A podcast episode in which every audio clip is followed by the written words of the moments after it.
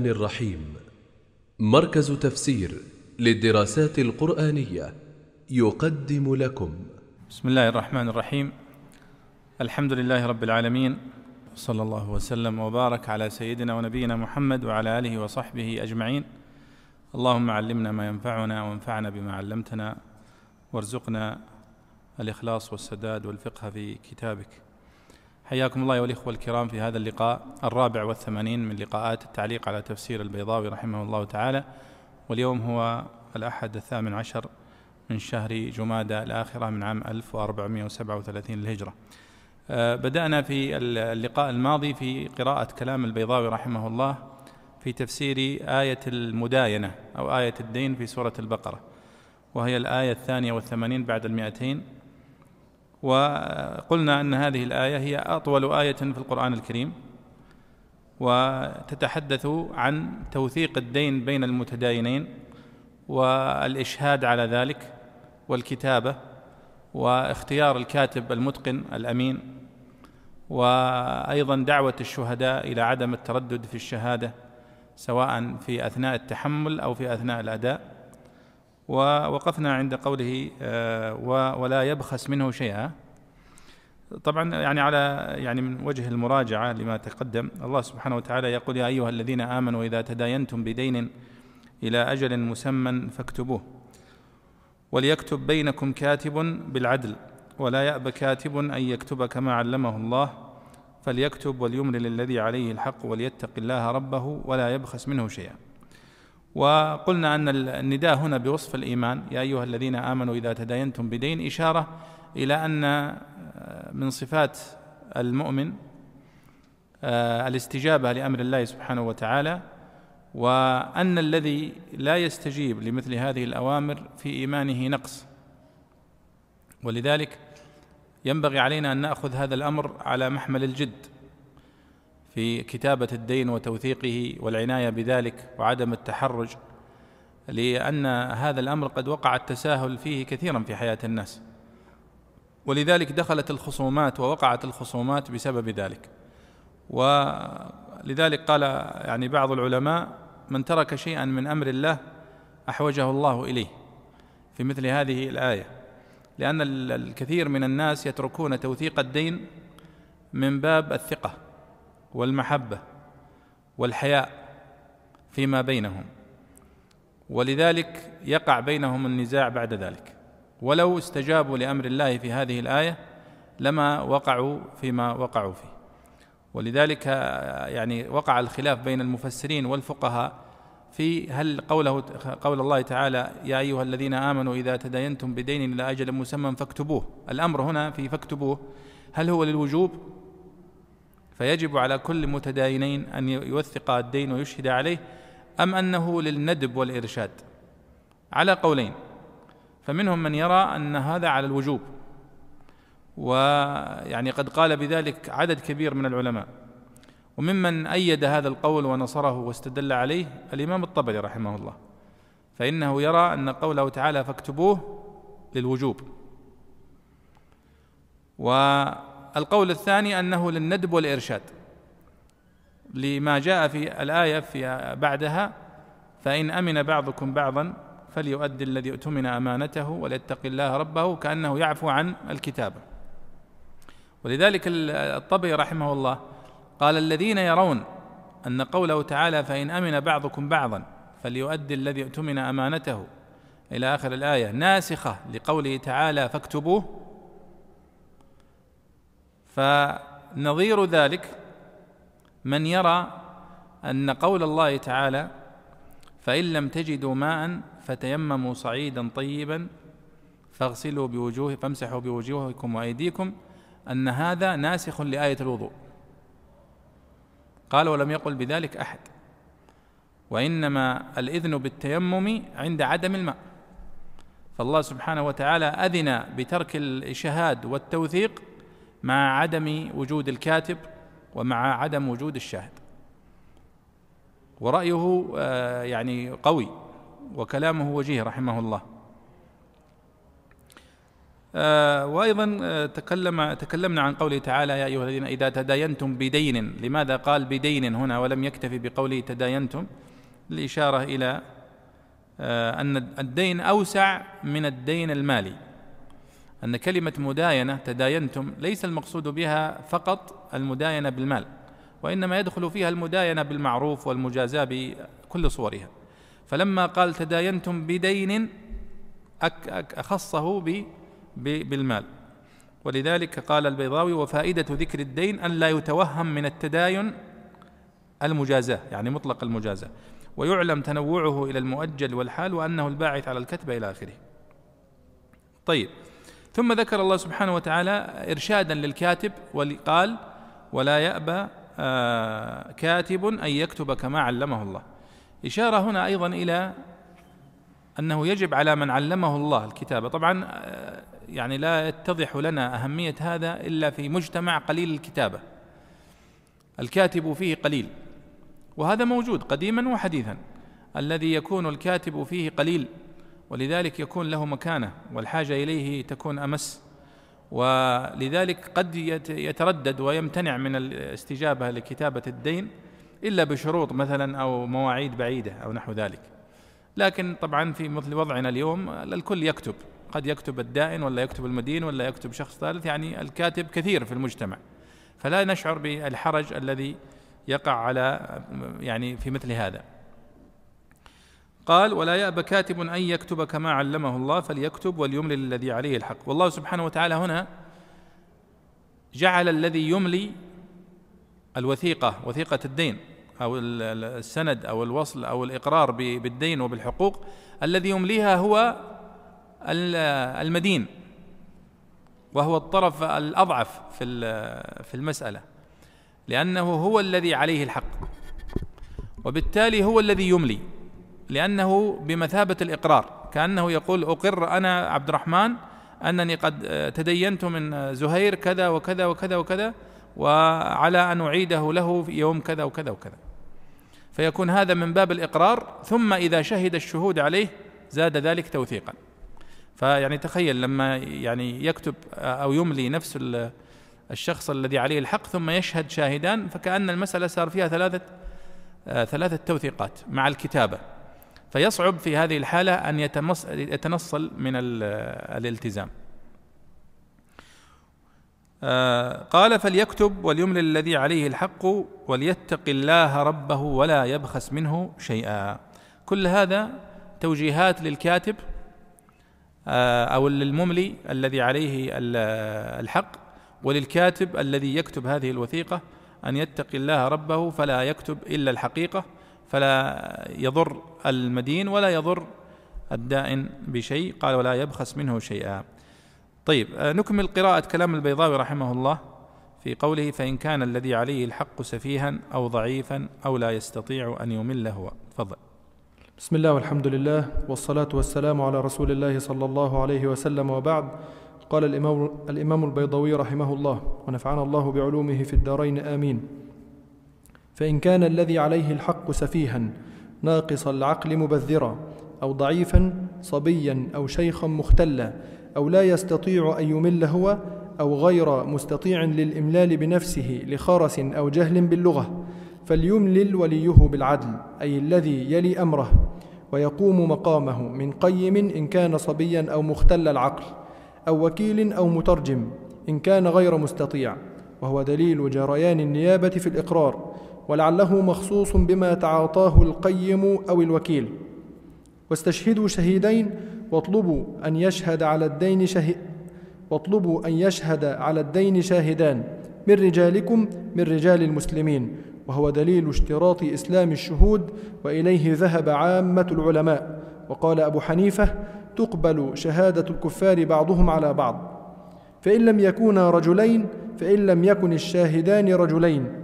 فرجل وامرأتان فليشهد أو فليستشهد رجل وامرأتان. وهذا مخصوص بالأموال عندنا وبما عدا الحدود والقصاص عند أبي حنيفة. ممن ترضون من الشهداء لعلمكم بعدالتهم. أن تضل إحداهما فتذكر إحداهما الأخرى علة اعتبار العدد. أي لأجل أن إحداهما إن ضلت الشهادة بأن نسيتها ذكرتها الأخرى. ذكرتها الأخرى. والعلة في الحقيقة التذكير. ولكن لما كان إحداهم ولكن لما كان الضلال سببا نزل منزلته كقولهم أعددت السلاح أن يجيء عدو فأدفعه. وكأنه قيل إرادة أن تذكر إحداهما الأخرى إن ضلت. وفيه إشعار بنقصان عقلهن وقلة ضبطهن. وقرأ حمزة إن تضل على الشرط فتذكر بالرفع. وابن كثير وأبو عمرو ويعقوب فتذكر فتذكر من الإذكار.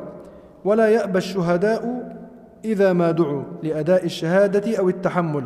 وسموا شهداء قبل التحمل تنزيلا لما يشارف منزلة الواقع. وما مزيده. ولا تسأموا أن تكتبوه. ولا تملوا من كثرة مدايناتكم أن تكتبوا الدين أو الحق أو الكتاب. وقيل كنا وقيل كنا بالسأم عن الكسل لأنه صفة المنافق. ولذلك قال عليه الصلاة والسلام لا يقول المؤمن كسلت. صغيرا أو كبيرا صغيرا كان الحق أو كبيرا أو مختصرا كان الكتاب أو, مش أو مشبعا. إلى أجله إلى وقت حلوله الذي أقر به المديون. نعم. طيب نعلق على هذا. آه الآية تكمل الحديث عن شروط آه الكتابة. الله سبحانه وتعالى حفظا لحقوق الناس. ولذلك لاحظوا هنا في هذه الآية قلنا أنها أطول آية في القرآن الكريم هي تتعلق بباب المعاملات بين الناس وليست بباب العبادات. وهذا فيه رد على من يزعم أن الإسلام يعني أولى عناية كبيرة للعبادات وأهمل المعاملات. والصحيح أن المعاملات لها جزء كبير جدا من الاهتمام والأحكام التي اشتمل عليها القرآن الكريم والسنة النبوية. فهنا هذه آية تتحدث عن الدين وهو تعامل بين الناس يتعلق بالمال. لكن لشدة عناية الله سبحانه وتعالى وحفظه لحقوق عباده أطال الحديث في موضوع الأمور المالية في القرآن الكريم. لاحظوا في المواريث في سورة النساء. الله سبحانه وتعالى فصل حقوق أو أحكام التركات والمواريث بنفسه. ويستفتون قل الله يفتيكم في الكلالة يوصيكم الله في أولادكم إلى آخره. ففصلها تفصيلا تاما. ولم يدع للنبي صلى الله عليه وسلم من أحكام المواريث إلا شيء يسير. يعني كما يذكر العلماء يقولون إذا حفظت آيات المواريث في سورة النساء مع وأولو الأرحام بعضهم أولى ببعض في سورة الأحزاب مع إن الله قد أعطى كل ذي حقا حق حقه فلا وصية لوارث. وقول النبي صلى الله عليه وسلم الحقوا الفرائض بأهلها فما بقي فلأولى رجل ذكر. انتهت الفرائض خلاص. هذه الفرائض. ولذلك فصلها في القرآن الكريم تفصيلا تاما لأنها تتعلق بحقوق العباد فيما بينهم. لكن أحكام الصلاة وأحكام الزكاة لم يفصلها في القرآن مع أن حقوق لله سبحانه وتعالى وإنما فصلتها السنة. هنا من هذا الباب. المداينة حقوق العباد فيما بينهم لذلك فصل في هذه الآية الطويلة علشان دين. أحيانا قد يكون مئة ريال ولا خمسمائة ريال لكن يستحق كل هذا التفصيل. طيب قال فإن كان الذي عليه الحق سفيها. الله سبحانه وتعالى يقول ليقم الذي عليه الحق الذي أخذ المال الذي عليه الدين بالإملاء. يملي على الكاتب آه الإقرار. لكن هناك احتمال أن يكون هذا الذي أخذ المال لا يستطيع أن يملل. إما ربما يكون أخرس. ربما يكون إنسان جاهل عامي أمي ما يستطيع أن يبين عن ولذلك قال الله سبحانه قال فإن كان الذي عليه الحق سفيها أو ضعيفا أو لا يستطيع أن يمل. هذه احتمالات واردة. السفيه مأخوذ من السفاهة العقل وخفة العقل. إما لصغر سنه أو لجنونه أو لأي سبب من الأسباب. قال ناقص العقل مبذرا هنا.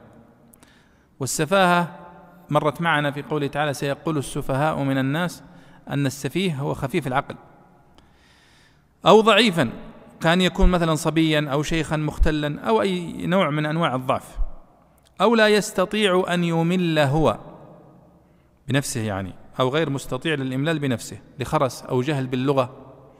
وهذا وارد فعلا يعني ممكن أن يستدين شخص ما يعرف اللغة التي يتكلمها الدائن قال الله سبحانه وتعالى قال فليملل وليه بالعدل. وليه بالعدل أي الذي يلي أمره.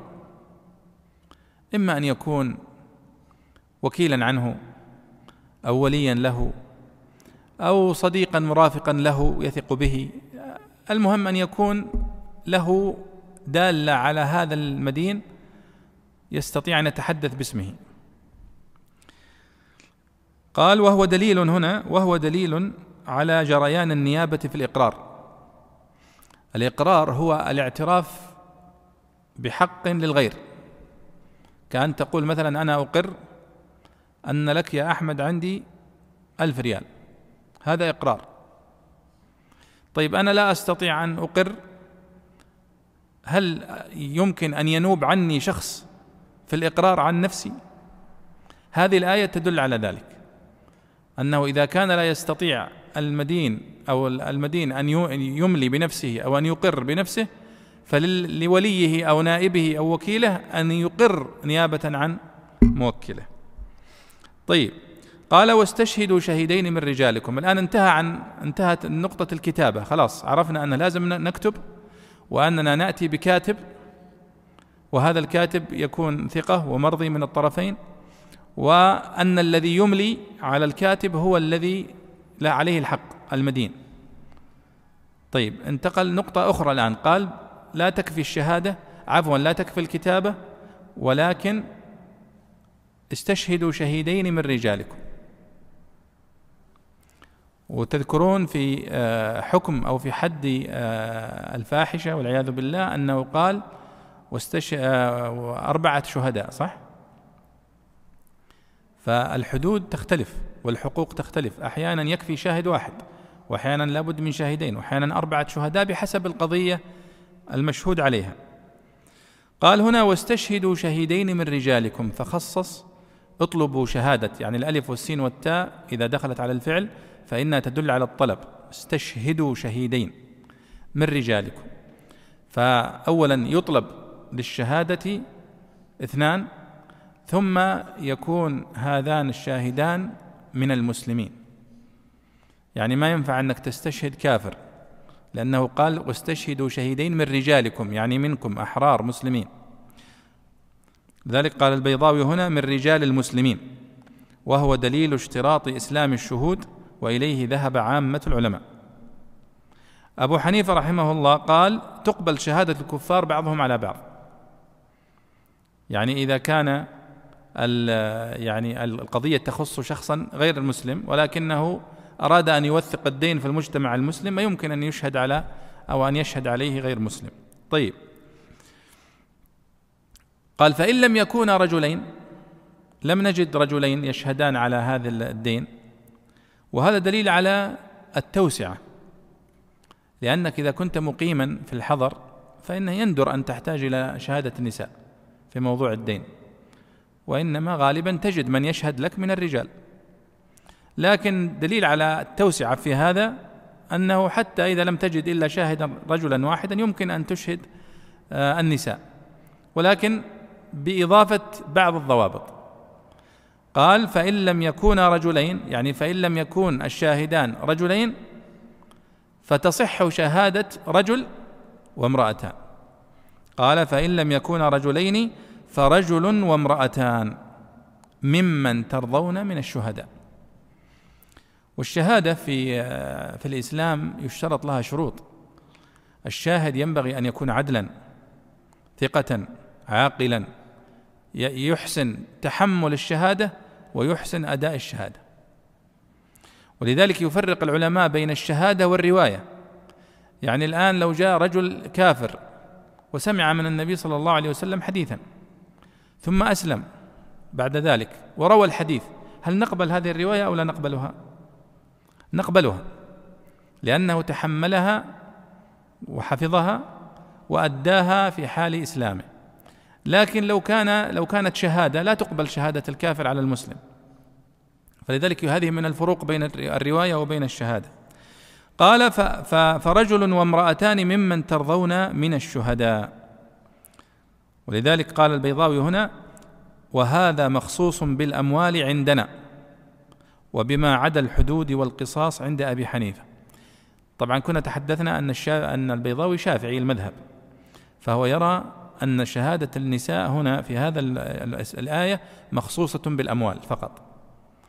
وأبو حنيفة رحمه الله يقول لا شهادة النساء مقبولة في الأموال وفي غيرها ما عدا الحدود.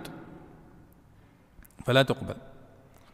قال ممن ترضون من الشهداء لعلمكم بعدالتهم وثقتهم وقدرتهم. طيب لماذا الله سبحانه وتعالى اشترط امرأتين في الشهادة؟ علل هنا في الآية. قال أن تضل إحداهما فتذكر إحداهما الأخرى. أن تضل هنا يعني أن تنسى تخطئ. إحداهما فتذكر إحداهما الأخرى. النبي صلى الله عليه وسلم عندما قال إن النساء ناقصات عقل ودين شرح النبي صلى الله عليه وسلم المقصود بنقصان العقل في هذه الآية. فقال أليس أما نقصان عقلها؟ أليست شهادة المرأة بنصف شهادة الرجل؟ فهذا نقصان عقلها وهذا ما يطعن في في في في عقل المرأة. لكن هذه فروق يعني الله سبحانه وتعالى جعلها في الخلقة. قال أن تضل إحداهما فتذكر إحداهما الأخرى. فإذا يعني المرأة مع المرأة تذكرها وتكملها تكمل نقصها. وذكر النبي صلى الله عليه وسلم نقصان دين المرأة أن المقصود به أليست إذا حاضت لا تصلي ولا تصوم؟ فهذا يجعلها يفوتها شيء من الصلاة ويفوتها آه، شيء من العبادة التي غيرها يقوم بها. فهذا نقصان دينها. وهذا لا أيضا لا يد لها فيه. فأيضا ليس هذا يعني نقصا.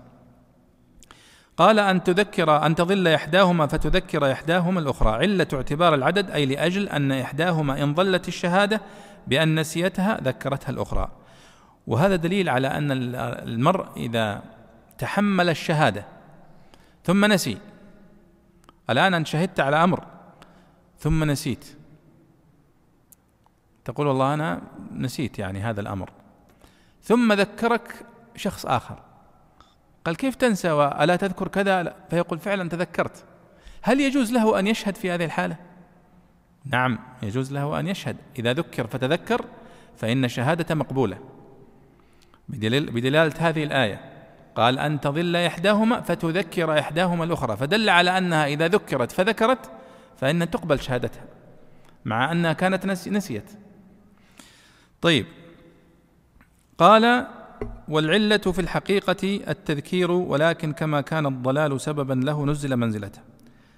طبعا في قراءة أو في توجيه لبعضهم وبعضهم يعتبره من غرائب التفسير قال أن تضل إحداهما فتذكر إحداهما الأخرى. تذكر بالتخفيف من التذكير اللي هو ضد النسيان. لأنه قال فتذكر إحدى أن تضل إحداهما فتذكر إحداهما الأخرى. الذي يناسب الضلال والنسيان هو ليش؟ هو التذكر والتذكير. بعضهم يقول أن تضل إحداهما فتذكر إحداهما الأخرى. أي تجعل يعني تذكرها من التذكير وهو ضد التأنيث. كأنه يريد أن يقول أنها تذكرها يعني تجعل أنها تكون هي والمرأة الأخرى في مقام ذكر في الشهادة. فرجل وامرأتان. فتصبح المرأة إذا ذكرت المرأة بالشهادة فتذكرت المرأتان قاموا مقام رجل. ولكن هذا تفسير بعيد. وهو إن صح التعبير من غرائب التفسير. من غرائب التفسير. والصحيح أنها كلها فتذكر فتذكر فتذكر كلها من التذكر وهو ضد النسيان.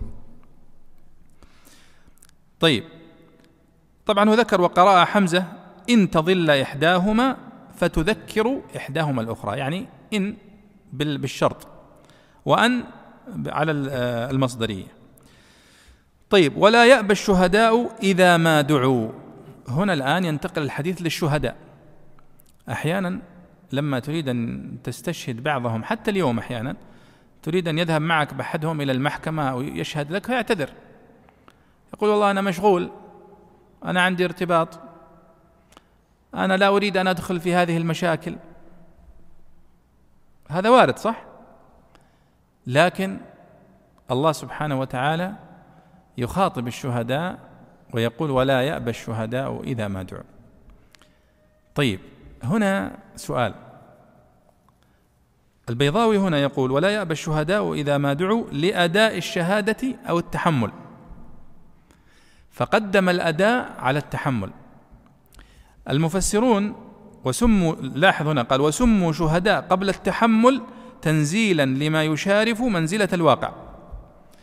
يعني الآن الله يقول ولا يأبى الشهداء إذا ما دعوا. إذا ما دعوا لماذا؟ لتحمل الشهادة للشهادة وكتابتها أو إذا دعوا لأداء الشهادة بكرة في المحكمة. أنا الآن دينت واحد وأشهدت شاهدين وكتبنا ورقة. ولكن هذا ال ال الذي أخذ الدين جحدني. فرفعت الأمر للقاضي. فسأحتاج عند القاضي إلى الشهداء الذين شهدوا. أتصل عليهم يعتذرون. والله مشغولين ومسافرين رايحين جايين. فهنا الخطاب ولا يأبى الشهداء. الألف واللام في الشهداء هنا كأنها تشير إلى أنهم خلاص تحملوا الشهادة. فلذلك أطلقنا عليهم وصف الشهداء. ولا يأبى الشهداء إذا ما دعوا. هذا الذي رجحه الطبري. يرى أن الشهداء هنا الذين تحملوا الشهادة فالحديث عن الأداء الآن وليس عن التحمل. البيضاوي ذكر هذا الاحتمال أولا. قال لأداء الشهادة. يعني عند التحاكم يعني إذا تخاصم الاثنان لا يرفض الشهداء أن يأتوا إلى القاضي لأداء الشهادة أو التحمل. أو أن نقول ولا يأبى الشهداء حتى أثناء التحمل. عندما نريد أن نوثق الدين أريد أن نشهد ماجد ومنصور لا ترفض أنت ويا هذه الشهادة. أثناء الكتابة. طيب بس السؤال كيف سماهم شهداء وهم لم يتحملوا الشهادة بعد؟ هل هو باعتبار ما سيكون؟ كان تقول مثلا لبعضهم الآن الدكتور وهو لم يتخرج بعد من الدكتوراه. باعتبار ما سيكون تفاؤلا يعني. فهنا يقول ولا يأبى الشهداء إذا ما دعوا لتحمل الشهادة. فيأتي واحد يقول طيب كيف سماهم شهداء قبل أن يتحملوا الشهادة؟ قال البيضاوي هنا وسموا شهداء قبل التحمل تنزيلا لما يشارف منزلة الواقع. يعني كأنهم يعني تحصيل حاصل. هم على وشك بيشهدون فسماهم الله شهداء. قال وما مزيده؟ يعني في قوله ولا يأبى الشهداء إذا ما دعوا. يعني معنى الكلام ولا يأبى الشهداء إذا دعوا. طيب ما هنا؟ قال مزيده. وطبعا هم يقولون أن في الإعراب أن إذا جاءت ما بعد إذا فهي زائدة. في الإعراب. وهذا الموضوع تحدثنا عنه كثيرا في أثناء الدروس قضية الزيادة في الحروف أو الزيادة في القرآن الكريم هل يجوز أن نقول أن فيها زائد أو لا يجوز؟ مسألة طويلة وفيها نقاش بين العلماء بعضهم يرى أن لا يجوز القول بهذا لا إعرابا ولا معنى. أما معنى فبالاتفاق لأنه لا لا يوجد حرف في القرآن الكريم إلا وله معنى وهذا الذي يهمنا. فنحن ننكر أن يكون هناك حرف في القرآن الكريم زائد من حيث المعنى لكن من حيث الصناعة الإعرابية المسألة سهلة. لأن الصناعة الإعرابية مسألة اصطلاحية. نحن اللي قلنا هذا فاعل وهذا مفعول وهذا تأكيد وهذا زائد وهذا ناقص. فكوننا نصطلح على أنه إذا جاءت ما بعد إذا فهي زائدة من حيث الإعراب. ليس لا محل لها من الإعراب. لكن من حيث الصناعة أو المعنى لا لها معنى. وهي للتأكيد. فمعناها هنا ولا يأبى الشهداء إذا ما دعوا أنهم دعوا وأكد عليهم الدعوة. مما يدل على أن هذا الرجل محتاج لمن يشهد له. ودليل على أنه لا يوجد هناك خيارات أخرى.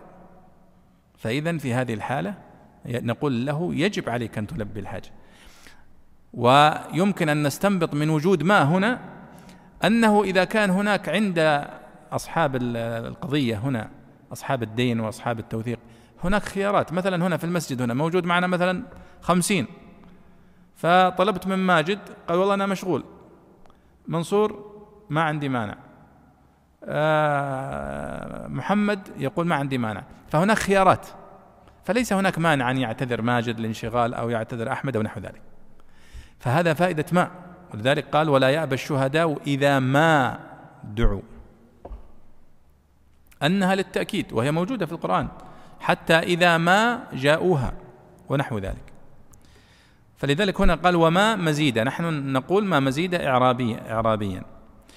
ولا تسأموا أن تكتبوه صغيرا أو كبيرا. يعني لا تملوا من كتابة الدين لأنه يتكرر. فقد يقول قائل يا أخي والله متعبة هذه أجلس كل ما أسلفت واحد أكتب وثيقة وأجيب شهود يا أخي بلا خلاص بدون دين. ما يحتاج. الله سبحانه وتعالى قال لا لا تسأموا أي لا تتكاسلوا عن كتابة الدين سواء كان الدين صغيرا أو كبيرا. وقدم صغيرا هنا لأنه هو الغالب يتهاون فيه الواحد. يقول يعني المبلغ بسيط ما يحتاج نوثقه. ثم إذا جئت غدا تذكر صاحبك تقول يا أخي الدين يقول يا أخي أشغلتنا يا أخي أزعجتنا. وكم من القصص كنت أقرأ في بعض القصص الديون أن كثير من القصص القتل وقعت بسبب اختلاف على الديون. بل إني رأيت أو قرأت قصة أحدهم أو أحدهم آه، آه، دين صاحبه خمسة آلاف ريال فقط. ولم يكتب بينهم ورقة ولم يشهد شيء أحدا. ويقول كان في أمس الحاجة إلى هذا المبلغ. وجاءني في وقت آه، متأخر من الليل. فلم يعني أسأل عن التفاصيل وأعطيته المبلغ كاملا. ووعدني أن يعيده خلال ثلاثة أشهر. فيقول لما انقضت ثلاثة أشهر ذكرته. فقال يعني أمهلني شهرين أو ثلاثة تقريبا. فيقول لما انقضت الثلاثة أشهر ذهب إليه وذكره. فقال يا أخي أشغلتنا يا أخي. ليس لك عندي شيء. فأسقط في يده هذا. قال يعني يبدو خمسة آلاف مبلغ كبير بالنسبة لهذا الرجل. قال فرجعت وأنا حزين. كيف أنا أنقذته في موقف وكيف كذا؟ قال وأنكرني وطردني. قال فتذكرت أنه يوجد عندي مسدس في البيت فقررت أن أخذ هذا المسدس وأهدد به هذا الرجل. فقط تهديد يعني. قال فذهبت إليه وطرقت الباب ولما خرج قلت يا إما أن تقضيني وإلا سأقتلك بهذا المسدس.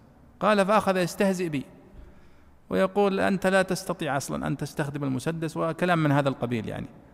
قال فأطلقت عليه النار وقتلت. وقتل هذا الرجل بعد ذلك. من أجل خمسة آلاف لأنه لم يوثقها ولم يشهد عليها ولذلك لم يستطع أن يقاضيه فلجأ إلى قتله. والعياذ بالله. ولذلك التهاون في هذا ولذلك أنا أؤيد رأي الطبري في هذه الآية. في قوله فاكتبوه أنها للوجوب وليست للندب لأن هذا أحفظ للحقوق. وكما قال الله سبحانه وتعالى قال ذلك أدنى ألا ترتابوا. وأقوم للشهادة ذلك آه، أقسط عند الله وأقوم للشهادة وأدنى ألا ترتابوا. قطع للنزاعات تماما.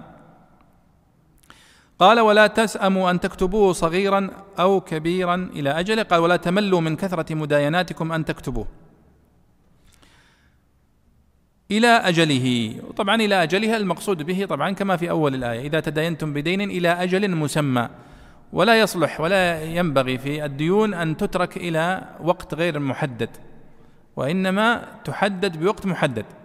فإن جاء الوقت المحدد ولم يستطع المدين أن يقضي فمن حقك أنت كدائن أن تنظره إلى وقت آخر حتى تحفظ الحقوق وتحسم. ذلكم أقسط عند الله وأقوم للشهادة. اقرأ يا أحمد تفضل. ماذا يقول البيضاوي فيها؟ قال رحمه الله ذلكم إشارة إلى أن تكتبوه. أقسط عند الله أكثر قسطا وأقوم للشهادة وأثبت لها وأعون على إقامتها. وهما مبنيان من أقسط وأقام على غير قياس أو من قاسط بمعنى ذي قسط وقويم. وإنما صحت الواو في أقوم كما صحت في التعجب لجموده. وأدنى ألا ترتابوا وأقرب في ألا, في ألا تشكوا في جنس الدين وقدره وأجله والشهود ونحو ذلك. إلا أن تكون تجارة حاضرة تديرونها بينكم فليس عليكم جناح ألا تكتبوها. استثناء من الأمر بالكتابة والتجارة الحاضرة تعم المبايعة بدين أو عين وإدارتها بينهم تعاطيهم إياها يدا بيد. أي إلا أن تتبايعوا يدا بيد فلا بأس ألا تكتبوا لبعده عن التنازع والنسيان. ونصب عاصم تجارة. على أنه الخبر والاسم مضمر تقديره إلا أن تكون التجارة تجارة حاضرة. كقوله بني أسد هل تعلمون بلاءنا إذا كان يوما ذا كواكب أشنع؟ ورفعها الباقون على أنها الاسم والخبر تديرونها أو على كان التامة. وأشهدوا إذا تبايعتم هذا التبايع أو مطلقا لأنه أحوط. والأوامر التي في هذه الآية للاستحباب عند أكثر الأئمة وقيل إنها للوجوب ثم اختلف في إحكامها ونسخها. ولا يضار كاتب ولا شهيد يحتمل البناءين ويدل عليه أنه قرئ ولا يضار بالكسر والفتح.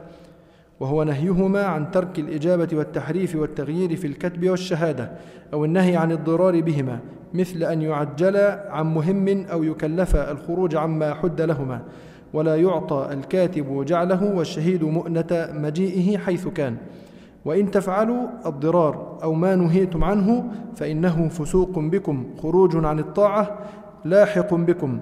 واتقوا الله في مخالفة أمره ونهيه ويعلمكم الله أحكامه المتضمنة لمصالحكم. والله بكل شيء عليم كرر لفظة الله في الجمل الثلاث لاستقلالها. فإن الأولى حث على التقوى والثانية وعد بإنعامه والثالثة تعظيم لشأنه ولأنه أدخل في التعظيم من الكناية. نعم. ذلكم هنا الضمير يعود على كل ما تقدم يعني الأمر بالكتابة والأمر بالشهادة وأمر الشهداء وأمر الكاتب إلى آخره. ذلكم كله أقسط عند الله.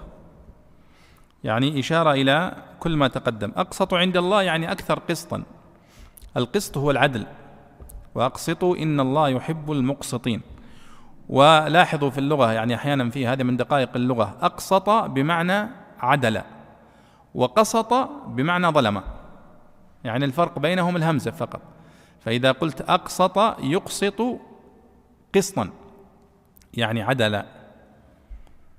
وأقيموا الوزن بالقسط يعني بالعدل. و آه، وأما قسط آه، فهي بمعنى ظلم وجار. وهذا من دقائق اللغة العربية. فهنا يقول أقسط عند الله يعني أكثر عدلا وإقامة للعدل وأقوم للشهادة يعني أقوم للشهادة أن تكون يعني آه، الشهداء عدول إن لم يكونا رجل فرجل وامرأتان. آه، ولا تسأموا أن يعني أن لا يأبى الشهداء إذا ما دعوا. كل هذه الأوامر أقوم للشهادة حتى تكون شهادة معتمدة. وشهادة آه، يعني في مكانها تؤدي الحق لأن العبرة العبرة بالكاتب أن يوثق الحق. فإذا جئنا بكاتب لا يحسن الكتابة. وش أسوي بهذا؟ بيكتب مثلا بخط غير مقروء. تأتي غدا إلى القاضي بهذه الكتابة. تكون زي مثل إجابات بعض الطلاب في الاختبارات. ما تقرأ. وأذكر من اللطائف وأنا أصحح ورقة أحد الطلاب ما لم أستطع أن أقرأ الإجابة مطلقا. فأحضرت الطالب اليوم الثاني وقلت تعال أصحح أنا وأنت ورقتك. فلم يستطع قراءة خطة. فقلت طيب كيف كيف كيف أعطيك درجة الآن؟ قال والله ما أدري مشكلة والله. نخليه شفوي. فاذا هذا الغرض من الكتابة هو التوثيق. الغرض أيضا من الشهادة إذا كان الشهداء غير ثقات أو غير عدول أو فيهم علل. طيب ماذا أصنع إذا غدا إذا أردت أن أن يؤدي الشهادة؟ هو لا يستطيع أن يؤديها. ولذلك قال الله وأقوم للشهادة إذا التزمت بهذه الشروط والضوابط التي ذكرها قال وأدنى ألا ترتابوا أدنى ألا ترتابوا. أدنى من الدنو يعني أقرب إلى أن لا يقع الشك في هذا الموضوع مطلقا. إذا كنت إذا يعني آه، دينت أحدا آه، كتبت الدين بواسطة كاتب متقن وثقة ثم أشهدت عليه شهداء عدول ووثقت كل هذا خلاص تصبح يعني احتمال الاختلاف قليل جدا. قليل جدا ربما صفر. ولذلك قال وأدنى ألا ترتابوا. آه وأقرب في ألا تشكوا إلى آخره. قال إلا أن تكون تجارة حاضرة. يعني لاحظوا الآن أنه أمر بالكتابة والإشهاد وكل هذه الشروط. فقد يقول قائل هل هذا كله في تعاملاتنا المالية كلها؟ قال لا. إلا أن تكون تجارة حاضرة تديرونها بينكم فليس عليكم جناح ألا تكتبوها. قال البيضاوي هنا التجارة الحاضرة تعم المبايعة بدين أو عين. كثير من المفسرين يقولون لا التجارة الحاضرة هي التجارة التي يكون فيها المبايعة يدا بيد ليس هناك فيها التزام في الذمة. هذا أخذ السلعة وهذا أخذ الثمن. هذه لا تحتاج إلى إشهاد. أما إذا قلنا أنها تجارة وفيها دين فهي تدخل في الدين. ولا بد من توثيقها.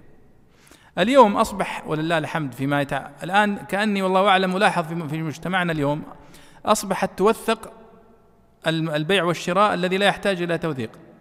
الآن أي شيء تشتريه عليه فاتورة في الغالب مع أنك تشتريه نقدا وتدفع وتأخذ المبلغ. لكنهم يحرصون الآن على التوثيق والفواتير من أجل ربما الضمان الضمان أو نحو ذلك. ويغفلون الكتابة في الدين الذي هو دين في الذمة ويقع الاختلاف فيه كثيرا. قال آه إلا أن تتبايعوا يدا بيد فلا بأس ألا تكتبوه لبعده عن التنازع والنسيان. ثم ذكر القراءة قال إلا أن تكون تجارة. هذه قراءة عاصم حفص وشعبة. نصب عاصم تجارة على أنه الخبر والاسم مضمر. تقديره إلا أن تكون التجارة تجارة حاضرة. واستشهد بقول الشاعر بني أسد هل تعلمون بلاءنا إذا كان يوما؟ ذا كواكب أشنع. يعني إذا كان اليوم يوما ذا كواكب أشنع. ورفعها الباقون على أنها الاسم والخبر. يعني إلا أن تكون تجارة حاضرة تديرونها بينكم. فتكون كان ناقص آه تامة. يعني إلا أن تحصل تجارة حاضرة فهذه لا داعي للكتابة ولا الإشهاد آه عليها.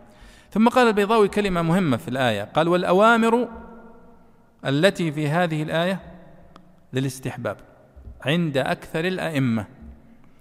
يا أيها الذين آمنوا إذا تداينتم بدين إلى أجل مسمى فاكتبوه. وليكتب بينكم كاتب بالعدل. ولا يأبى الشهداء إذا ما دعوا. إلى آخره. قال كلها للاستحباب. وليست للوجوب. عند أكثر الأئمة. وقلت لكم أن الطبري وعدد كبير من من العلماء يرون أنها للوجوب. طيب وقيل إنها للوجوب ثم اختلف في إحكامها ونسخها. يعني إذا قلنا أنها للوجوب فهل هي محكمة فعلا ما زالت على وجوبها أم أنها منسوخة؟ بما جاء بعدها عندما قال وإن كنتم على سفر ولم تجدوا كاتبا فرهان مقبوضة.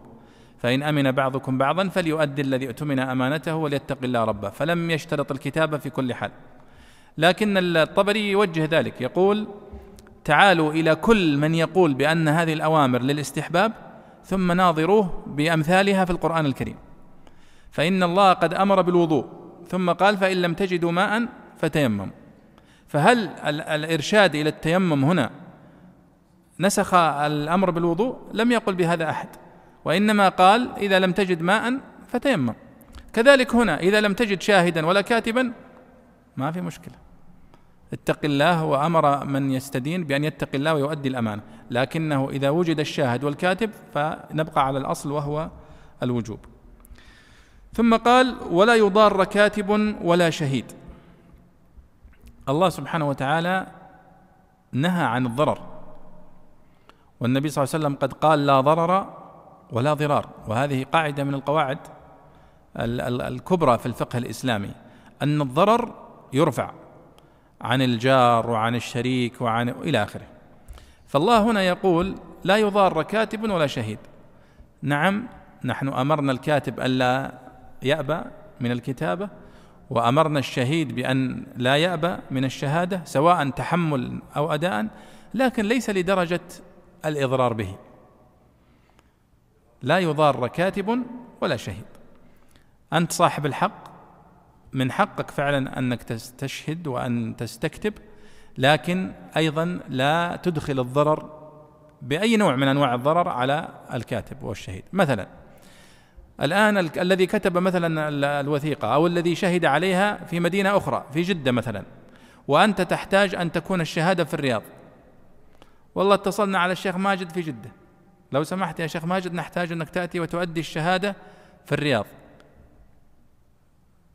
فمن حق فمن حق ماجد علينا أن ندفع ثمن التذكرة له وندفع له سكنا يليق بمثله.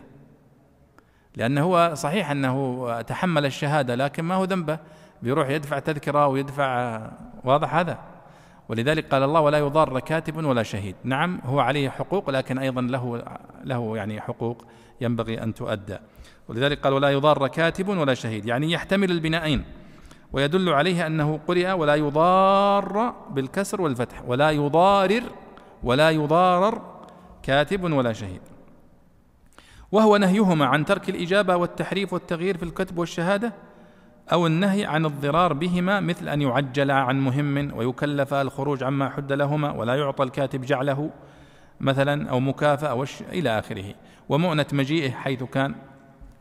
يعني الفكرة أن الله سبحانه وتعالى كما أنه أمر الشاهد والكاتب أن يقوما بهذا أيضا ينبغي أن تتحمل أنت أشياء لا علاقة لهم بها مثل مثلا أجرة السكن أو السفر إذا كان الأمر يحتاج سفر أو نحو ذلك. قال وإن تفعلوا الضرار أو ما نهيتم عنه فإنه فسوق بكم. فإن هذا من الفسق والفسق الفسق في اللغة هو الخروج. وهم دائما يستشهدون في كتب اللغة بقولهم فسقت الرطبة. إذا خرجت من قشرتها فسقت الرطبة. وفسقت الفأرة إذا خرجت من جحرها. ولذلك الفسق في الشرع هو مصطلح. يطلق على مطلق الخروج. أي خروج عن أوامر الله سبحانه وتعالى يسمى فسقا. ولذلك الذي يقع في المعصية الصغيرة يسمى فاسقا. والذي يكفر بالله يسمى فاسقا. تماما كالذي يسير على الطريق بسيارته. إذا خرج مثلا مترين ولا متر نقول خرج عن الطريق. وإذا خرج مئة كيلو نقول خرج عن الطريق. فهو خارج هنا وخارج هنا لكن نسبة الخروج مختلفة. فالفسق يطلق على الكفار ويطلق على العصاة أصحاب الكبائر ويطلق على أصحاب الصغائر. وكل ذلك فسق لكنه درجات. قال وإن تفعلوا فإنه فسوق بكم. أي أن تدخلوا الضرر على الكاتب أو على الشهيد فهذا لا يجوز. واتقوا الله ويعلمكم الله.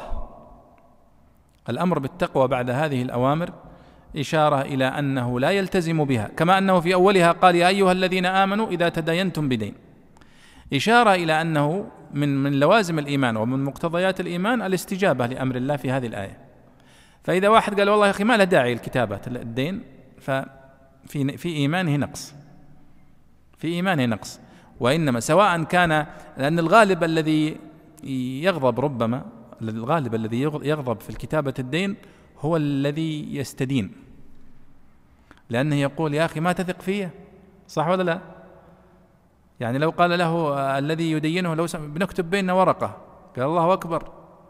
وين الأخوة؟ وين الزمالة؟ وين مدري إيش القرابة؟ فلكن الله سبحانه وتعالى يقول لا. آه يا أيها الذين آمنوا إلى آخره وقال هنا واتقوا الله. وقال فإنه فسوق بكم يعني إشارة إلى أنه ينبغي علينا أن ننزل كلنا على أمر الله سبحانه وتعالى ولا يغضب الإنسان. وقد رأيتنا مشاهد كثيرة. عندما طلب أحدهم أن يكتب بينه وبين الذي أخذ منه المال ورقة غضب. وأصبح يحدث المجالس يقول الله أكبر كنت أظن يعني يثق في ويعزني وكذا. ويكتب بيننا ورقة يا خسارة. فقلت بالعكس هذا من مقتضى المحبة. هذه الورقة التي كتبها بينك وبينه لأنه يحبك ويعني يعزك. ولا يريد أن يحصل أي اختلاف بينكم يؤدي إلى الفراق لا سمح الله. فانظر يعني أحيانا نحن نغفل عن هذه القضايا ونحن نرتكبها صباح مساء في حياتنا اليومية. قال الله سبحانه وتعالى واتقوا الله ويعلمكم الله. هنا يا شباب واتقوا الله ويعلمكم الله. ليست من باب الشرط لأن البعض يقول أنه أن هذه الآية معناها اتقوا الله ليعلمكم. والصحيح أنها أمران واتقوا الله سبحانه أمر بالتقوى مستقل ويعلمكم الله أنه امتنان استئنافي. أن هذا الذي مر في هذه الآية من الأحكام والتفاصيل الدقيقة هي تفاصيل دقيقة أليس كذلك؟ وهي في موضوع ربما بعض الناس ما يعطيه اهتمام كبير. موضوع مداينة. يعني أنت الآن لو نظرت إلى حياتك اليومية كم يستهلك منك من الاهتمام موضوع الديون اللي بينك وبين الناس؟ أو الكتابة لهذه الديون. كثير منا بينه وبين الآخرين ديون. ليس ولا, ولا واحد منها مكتوب ولا موثق. لأنه يقول والله كلها موثقة. مثلا إما أنك حولت من حسابك في البنك مثلا إلى حسابه تقول يعني هذا التحويل يكفي وهو لا يكفي في الديون. لو ذهبت بهذا التحويل إلى القاضي يستطيع أن ينكر يقول هذا ليس دينا هذا حق سابق أو هبة أو شيء من هذا. فالشهود مهمة في هذا والكتابة باليد مهمة أيضا. قال ويعلمكم الله أحكامه المتضمنة لمصالحكم. والله بكل شيء عليم. طبعا لا يعني أننا عندما نقول واتقوا الله ويعلمكم الله ليست شرطا. ليس معناها اتقوا الله ليعلمكم. ليس معنى ذلك أن التقوى ليست معينة على العلم والتعلم. ليس هذا. لا بالعكس نحن نقول التقوى وتقوى الله سبحانه وتعالى تعين الإنسان على التعلم وعلى الفهم وعلى لكن في هذا السياق ليست شرطا. لأنه لو, لو, قال واتقوا الله يعلمكم الله وجاءت بالجزم ولكنها جاءت بالرفع ويعلمكم الله. والله بكل شيء عليم. لاحظوا ختام الآية يشير إلى إحاطة علمه سبحانه وتعالى. يعني الذي يكتب الله سبحانه وتعالى يقول ولا يبخس منه شيئا. والله بكل شيء عليم. والشاهد عندما يشهد يتقي الله في شهادته لأن الله بكل شيء عليم. فكأنها والله أعلم من باب التهديد للشاهد وللكاتب ولصاحب الحق وجميع أطراف هذه المداينة أن يتقوا الله فإن الله سبحانه وتعالى مطلع على كل شيء. فأي تعديل أو تبديل فهو سبحانه وتعالى سوف يحاسب عليه. قال كرر الله لفظة في, في هذه الجمل الثلاث كرر لفظة الله. لاستقلالها. فإن الأولى حث على التقوى واتقوا الله والثانية وعد بإنعامه ويعلمكم الله والثالثة تعظيم لشأنه والله بكل شيء عليم. ولا ولأنه أدخل في التعظيم من آه، من الكناية. وهذا صحيح لأنك إذا رأيت اسم الله سبحانه وتعالى يظهر في الآيات فهو إشارة إلى تعظيم هذا السياق الذي ورد فيه. ولذلك عندما قال قد سمع الله قول التي تجادلك في زوجها وتشتكي إلى الله. ثم قال والله يسمع تحاوركم تحاوركما. وكان بالإمكان أن يقول قد سمع الله قول التي تجادلك في زوجها وتشتكي إليه وهو يسمع تحاوركما. لكنه اظهر اظهر أظهر للتعظيم. لأن هذا أدعى لتعظيمه سبحانه وتعالى. طيب الآية التي بعدها يا شيخ؟ قال رحمه الله وإن كنتم على سفر أي مسافرين ولم تجدوا كاتبا فرهان مقبوضة فالذي يستوثق به رهان أو فعليكم رهان أو فليؤخذ رهان.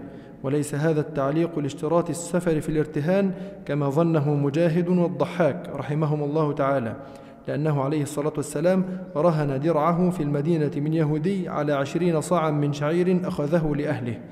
بل لإقامة التوثق للارتهان مقام التوثق بالكتابة في السفر الذي هو مظنة إعوازها والجمهور على اعتبار القبض فيه غير مالك. وقرأ ابن كثير وأبو عمرو فره فرهن فرهن كسقف وكلاهما جمع رهن بمعنى مرهون وقرئ بإسكان الهاء على التخفيف. فإن أمن بعضكم بعضا أي بعض الدائنين بعض المديونين. واستغنى بأمانته عن, عن الارتهان فليؤدي الذي اؤتمن أمانته أي دينه سماه أمانة لائتمانه عليه بترك الارتهان به وقرئ الذي ايتمن بقلب الهمزة ياء والذي أتمن بإدغام الياء في التاء وهو خطأ لأن المنقلبة عن الهمزة في حكمها فلا تدغم. وليتق الله ربه في الخيانة وإنكار الحق وفيه مبالغات. ولا تكتموا الشهادة أيها الشهود. أو المدينون والشهادة شهادتهم على أنفسهم ومن يكتمها فإنه آثم قلبه أي يأثم قلبه أو قلبه يأثم والجملة خبر إن وإسناد الإثم إلى القلب لأن الكتمان مقترفه ونظيره العين زانية والأذن زانية أو للمبالغة فإن رئيس فإنه رئيس الأعضاء وأفعاله أعظم الأفعال وكأنه قيل تمكن الإثم في نفسه وأخذ أشرف أجزائه وفاق سائر ذنوبه وقرئ قلبه بالنصب كحسن وجهه. والله بما تعملون عليم تهديد. جميل. يعني هذه الآية أيضا مرتبطة بآية الدين. الله سبحانه وتعالى يقول إذا لم تجدوا كاتبا وإن كنتم على سفر ولم تجدوا كاتبا فرهان مقبوضة. المفسرون يقولون ليس هذا مرتبطا بالسفر. لأن معنى الآية فإن لم تجدوا كاتبا حتى في الحضر ولا شهود. وش نسوي؟ قال فرهان مقبوضة. والرهن هو عين يرهنها المدين يمكن استيفاء الدين منها أو من بعضها. يعني مثلا الآن استلفت مثلا من محمد أربعين ألف. فأقول للذي أخذ مني هذه الأربعين ألف آه أنا ليس عندي شهود وليس عندي كتاب لكن أريد أن ترهن عندي ما يمكنني أن أستوفي آه الدين به مثلا. مثلا بعض الناس اليوم يقول يرهن آه بيته يأخذ صك البيت ويعطيه للذي أخذ منه المال. يقول هذا الصك صك بيتي الأصلي مثلا. مع أني أنا في تصوري أنه لا يكفي. يعني الآن كوني أنا أملك الصك الأصلي هل يعني أني أستطيع أن أنقل باسمي عند القاضي؟ ما يمكن.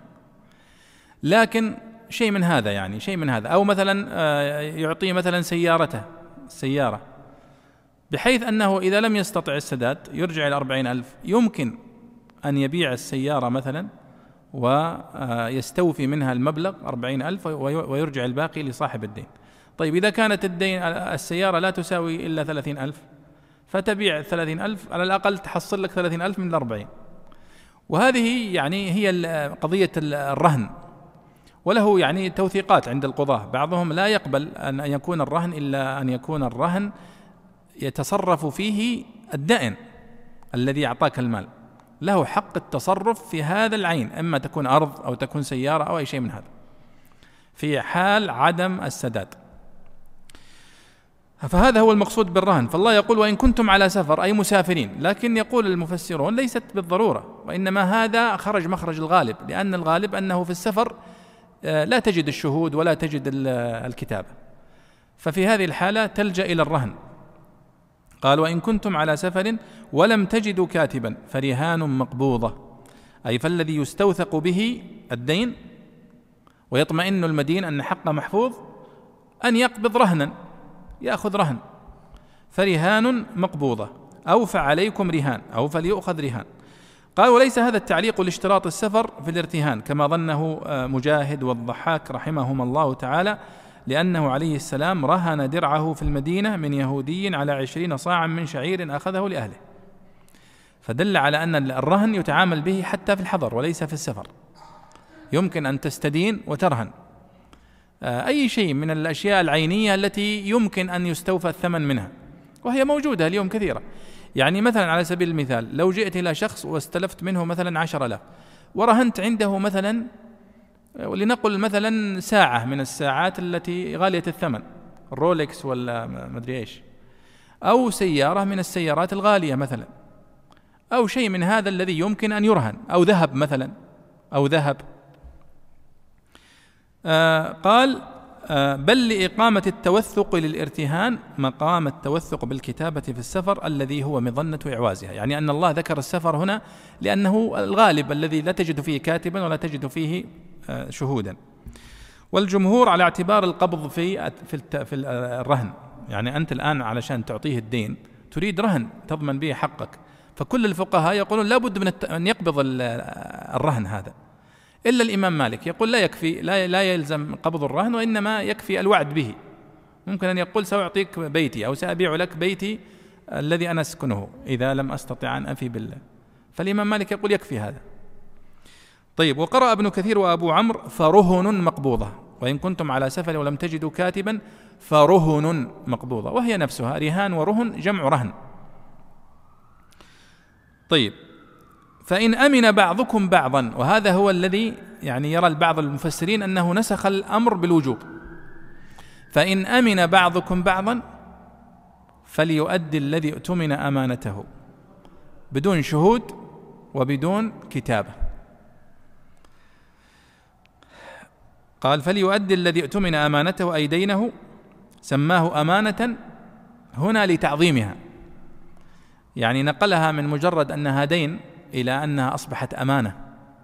صحيح الآن ما عندك شهود ولا كتابة لكنها أمانة في عنقك. يجب عليك أن تؤديها. فليؤدي الذي اؤتمن أمانته وليتق الله ربه فلا يخون ولا ينكر آه هذه الأمانة. تفضل يا شيخ. يقول الله تعالى فإن أمن بعضكم بعضا فليؤدي الذي اؤتمن أمانته. وذكر البيضاوي هنا قرئ إيتمن يعني بالتسهيل. إيتمن فليؤدي الذي اؤتمن أمانته يعني عند الثقة بين الدائن والمدين فليس هناك حرج إن تركت الكتابه هذا هو الدليل الذي يستدل به من يرى أن الأمر في الآية بكتابة الدين آه، هو للاستحباب وليس للوجوب. قال لأنه عدل عند آه، أمن بعضهم بعض إلى ترك الكتابه وترك الشهادة. فدل على أن الأمر بها كان من باب الاستحباب وليس من باب الوجوب. ثم قال الله أول شيء أول مما يدل على توثق الله سبحانه وتعالى لحق المؤمن وحق المسلم في هذا أنه اشترط الشهادة واشترط الكتابة وإلى آخره. ثم حتى عندما عفى عن الكتابة والشهادة شدد على الموضوع وقال هذه أمانة واتق الله ولا تكتم إلى آخره. فقال فإن أمن بعضكم بعضا فليؤدي الذي اؤتمن أمانته. وليتق الله ربه. وليتق الله ربه. قال ولا تكتموا الشهادة. آه، توجه بالحديث هنا إلى الشهود الذين يعني يشهدون على مثل هذه القضايا أن وقد يقع من بعضهم أن يكتم الشهادة عند الحاجة إليها. قال الله ولا تكتموا الشهادة. أي الشهود أو المدينون شهادتهم على أنفسهم. لا يكتموها. ومن يكتمها فإنه آثم قلبه. وهذا تهديد شديد. بأن الذي يكتم الشهادة عند الحاجة إليها فقد ارتكب إثما عظيما. ولذلك الله سبحانه وتعالى قال آثم قلبه يعني كأن الإثم لم يتعلق بلسانه أو بعينيه التي شهدت وإنما يتعلق بقلبه وأنه سوف يدفع ثمنا وسوف يعاقب عقابا شديدا على كتمانه للشهادة. أي يأثم قلبه إلى آخره. قال آه وكأن معنى الآية يعني تمكن الإثم في نفسه وأخذ أشرف أجزائه وهو القلب. وقرئ فإنه آثم قلبه يعني كأنه هو حمل قلبه الإثم. والله بما تعملون عليم. أيضا هذا من باب التهديد كما في الآية التي قبلها. وكل هذا من باب حفظ حقوق المتداينين. في هذه آه، الآية.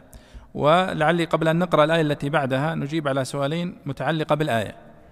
هنا يقول هل يصح القول بأن آية الدين هي أرجى آية في كتاب الله تعالى؟ وما هو توجيه ذلك القول؟ فعلا آه، يعني القول بأرجى آية في كتاب الله فيه أقوال كثيرة للعلماء. منهم يقول أرجى آية في كتاب الله قول الله تعالى قل يا عبادي الذين أسرفوا على أنفسهم لا تقنطوا من رحمة الله إن الله يغفر الذنوب جميعا. وبعضهم آه، يقول أن أرجى آية في كتاب الله قوله تعالى فمن اتبع هداي فلا يضل ولا يشقى. وهناك من قال أن أرجى آية في كتاب الله هي آية الدين. قالوا كيف؟ قال ألا ترى أنه قد قال ولا تسأموا أن تكتبوه صغيرا أو كبيرا. فحفظ لهذا المؤمن ولهذا المسلم أبسط حقوقه. وأمر بكتابتها والإشهاد عليها وتوثيقها حفاظا على ماله. فكيف سيضيعه في الآخرة؟ إذا كان قد حفظ في الدنيا المال القليل أو الحق القليل له فلا شك أنه في الآخرة سوف يكرمه وسوف آه، يعني يحسن مجازاته. فهذا هو معنى قولهم إن هذه الآية يعني هي أرجى آية في كتاب الله. السؤال الآخر يقول هل تصح شهادة أربعة من النساء أو أربع من النساء بدلا من الرجلين في الديون؟ لا تصح لأن كل العلماء ونص الآية لم يجز انفراد النساء بالشهادة في الحدود وفي أمثال هذه القضايا. وإنما يكون لابد أن يكون مع النساء رجل. ولذلك آه، لم يجز الإمام أحمد آه، نكاح من من لم يشهد على زواجه إلا نساء. قال لابد أن يكون معهن رجل. ولكن هناك استثناءات تصح يصح انفراد المرأة بالشهادة وهي في القضايا التي لا يطلع عليها إلا النساء. مثل مثلا كون المرأة بكر أو ليست ببكر أو مثلا الشهادة على آه، ولادة المرأة القابلة التي تلي آه، ولادة المرأة أنها ولدت ذكرا أو أنثى أو نحو ذلك. فهذه القضايا التي يعني لا يطلع عليها للنساء يصح أن تنفرد المرأة الواحدة بالشهادة بالشهادة فيها. طيب يا أحمد الآية التي بعدها ولله أو لله ما في السماوات وما في الأرض أعوذ بالله من الشيطان الرجيم. لله ما في السماوات وما في الأرض وإن تبدوا ما في أنفسكم أو تخفوه يحاسبكم به الله فيغفر لمن يشاء ويعذب من يشاء. والله على كل شيء قدير. آمن الرسول بما أنزل إليه من ربه والمؤمنون. كل آمن بالله وملائكته وكتبه ورسله. لا نفرق بين أحد من رسله. وقالوا سمعنا وأطعنا غفرانك ربنا وإليك المصير. لا يكلف الله نفسا إلا وسعها لها ما كسبت وعليها ما اكتسبت. ربنا لا تؤاخذنا إن نسينا أو أخطأنا. ربنا ولا تحمل علينا اصرا كما حملته على الذين من قبلنا. ربنا ولا تحملنا ما لا طاقة لنا به. واعف عنا واغفر لنا وارحمنا. أنت مولانا فانصرنا على القوم الكافرين. قال رحمه الله لله ما في السماوات وما في الأرض خلقا وملكا. وإن تبدوا ما في أنفسكم أو تخفوه يعني ما فيها من السوء والعزم عليه لترتب المغفرة والعذاب عليه. يحاسبكم به الله يوم القيامة وهو حجة على من أنكر الحساب كالمعتزلة والروافض. فيغفر, فيغفر لمن يشاء مغفرته ويعذب من يشاء تعذيبه وهو صريح في نفي وجوب التعذيب. وقد رفعهما ابن عامر وعاصم ويعقوب على الاستئناف وجزمهما الباقون عطفا على جواب الشرط. ومن جزم بغير فاء جعلهما بدلا منه بدل البعض من الكل أو الاشتمال كقوله متى تأتنا تلم بنا في ديارنا تجد حطبا جزلا ونارا تأججا. وإدغام الراء في اللام لحن إذ الراء لا تضغم إلا في مثلها. والله على كل شيء قدير فيقدر على الإحياء والمحاسبة. نعم. آه طبعا هذه أواخر سورة البقرة من قوله تعالى لله ما في السماوات وما في الأرض وإن تبدوا ما في أنفسكم أو تخفوه يحاسبكم به الله. فيغفر لمن يشاء ويعذب من يشاء والله على كل شيء قدير. اللام في قوله لله لله ما في السماوات وما في الأرض. تحتمل أن تكون الملك أي أن ما في السماوات وما في الأرض ملك لله سبحانه وتعالى وهذا صحيح. وتحتمل أن يكون لله ما في السماوات وما في الأرض أنهم كلهم مخلوقات لله سبحانه وتعالى الله خلقهم. لذلك قال البيضاوي خلقا وملكا لله ما في السماوات وما في الأرض فكلهم من خلقه سبحانه وتعالى وفي ملكه لا يخرجون عن ملكه سبحانه وتعالى. وإن تبدوا ما في أنفسكم أو تخفوه. نبدي ما في أنفسنا ونخفي من ماذا؟ قال البيضاوي يعني ما فيها من السوء أو العزم على السوء. لأن هذا هو الذي تترتب المغفرة والحساب عليه. يعني الآن عندما تعزم على خير أو آه، تضمر في نفسك خير لا يقال أنه يغفره الله لك لا سيجازيك عليه ويكافئك عليه. لكن عندما تضمر تضمر شرا وتضمر في نفسك معصية هل سوف تؤاخذ بها أو لا تؤاخذ؟ هذا هو معنى الآية. الله سبحانه وتعالى يقول يحاسبكم به الله. إن تبدوا ما في أنفسكم وتخفوه يحاسبكم به الله. البعض يظن أن هذه الآية منسوخة لأن النبي صلى الله عليه وسلم قد قال أنه عفي عن أمتي الخطأ والنسيان وما حدثت به أنفسها. وفي رواية وما استكره عليه صح؟ فحديث النفس لا يؤاخذ الله به. طيب الآية هنا تقول أنه يؤاخذ به. فهنا نقول في المسألة التفصيل والآية الصحيح, الصحيح أنها غير منسوخة. ولذلك لما نزلت هذه الآية لم تنزل الآيتان اللي بعدها ما نزلت مباشرة بعدها. وإنما قال الله لله ما في السماوات وما في الأرض وإن تبدوا ما في أنفسكم أو تخفوه يحاسبكم به الله. فالصحابة رضي الله عنهم رأوا أن هذا فيه مشقة فشكوا إلى النبي صلى الله عليه وسلم ذلك. فقال لا تقولوا كما قال بنو إسرائيل سمعنا وعصينا. الآن سورة البقرة ونحن نتحدث في سورة البقرة الآن.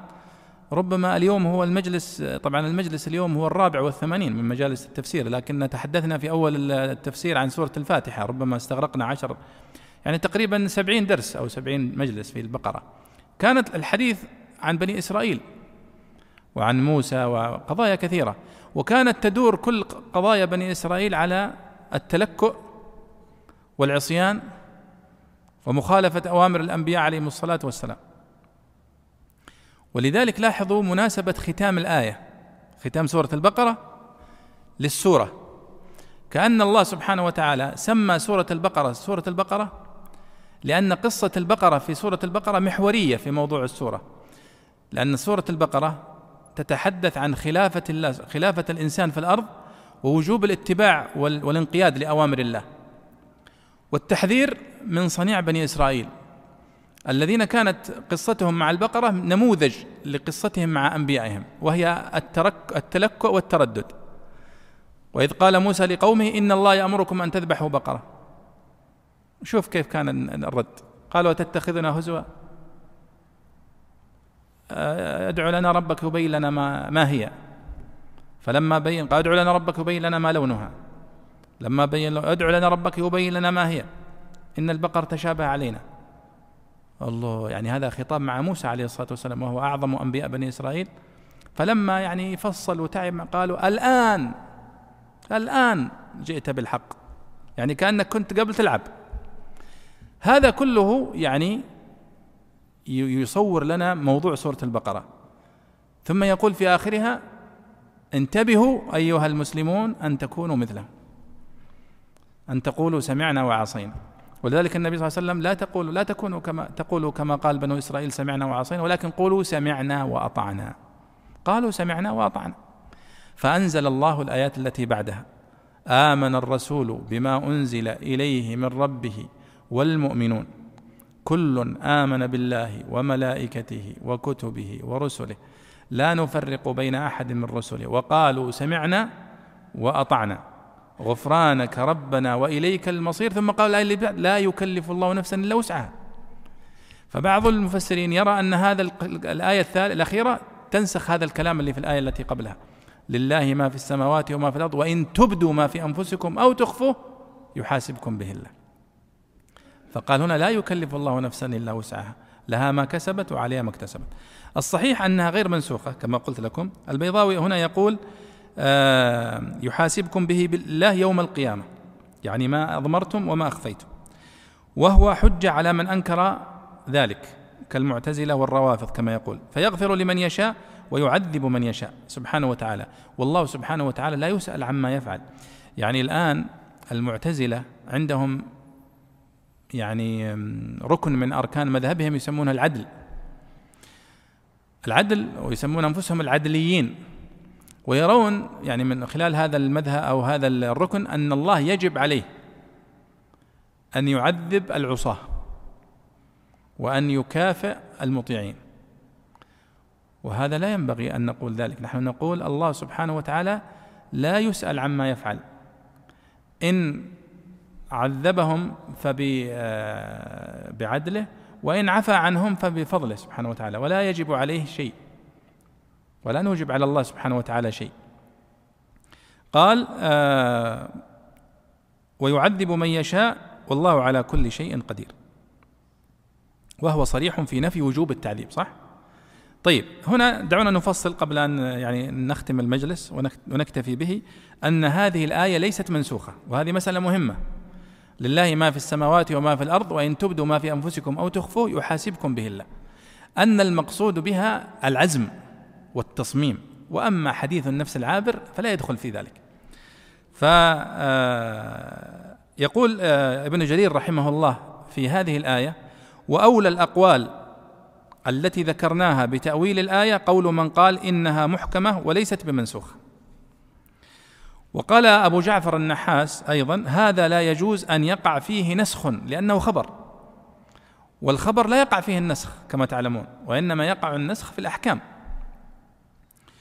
وقال ابن رجب لما نزل قوله تعالى وإن تبدوا ما في أنفسكم أو تخفوه يحاسبكم به الله فيغفر لمن يشاء ويعذب من يشاء شق ذلك على المسلمين. وظنوا دخول هذه الخواطر فيه. فنزلت الآية التي بعدها وفيها قوله ربنا ولا تحملنا ما لا طاقة لنا به. فبينت أن ما لا طاقة لهم به فهو غير مؤاخذ له ولا مكلف به. وقد سمى ابن عباس وغيره ذلك نسخا.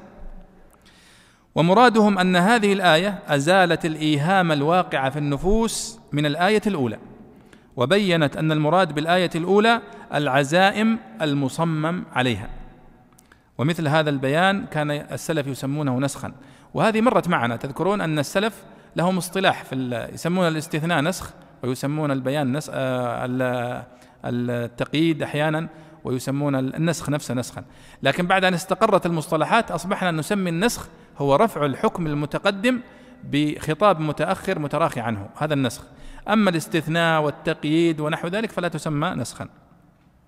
ابن عاشور له كلام جميل في هذا يقول أحسن كلام فيه يعني في هذه الآية ما يأتلف من كلامي المازري وعياض.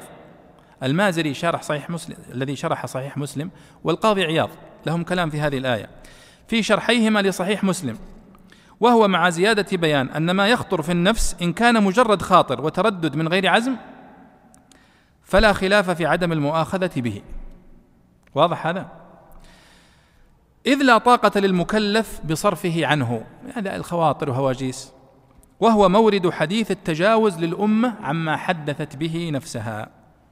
الذي قال النبي صلى الله عليه وسلم قد عفي عن أمتي الخطأ والنسيان وما حدثت به أنفسها. يعني حديثا عابرا ليس فيه تصميم ولا عزم. وإن كان قد جاش في النفس عزم فإما أن يكون من الخواطر التي تترتب عليها أفعال بدنية أو لا. فإن كان من الخواطر التي لا تترتب عليها أفعال مثل الإيمان والكفر والحسد فلا خلاف في المؤاخذة به. يعني هو عزم عليه ولكن لا يترتب عليه عمل حسد. هذا يؤاخذ به الإنسان. لأنه مما يدخل في طوق المكلف أن يصرفه عن نفسه. وإن كان من الخواطر التي تترتب عليها آثار في الخارج فإن حصلت الآثار فقد خرج من أحوال الخواطر إلى الأفعال فيؤاخذ به قطعا. كمن يعزم على السرقة فيسرق.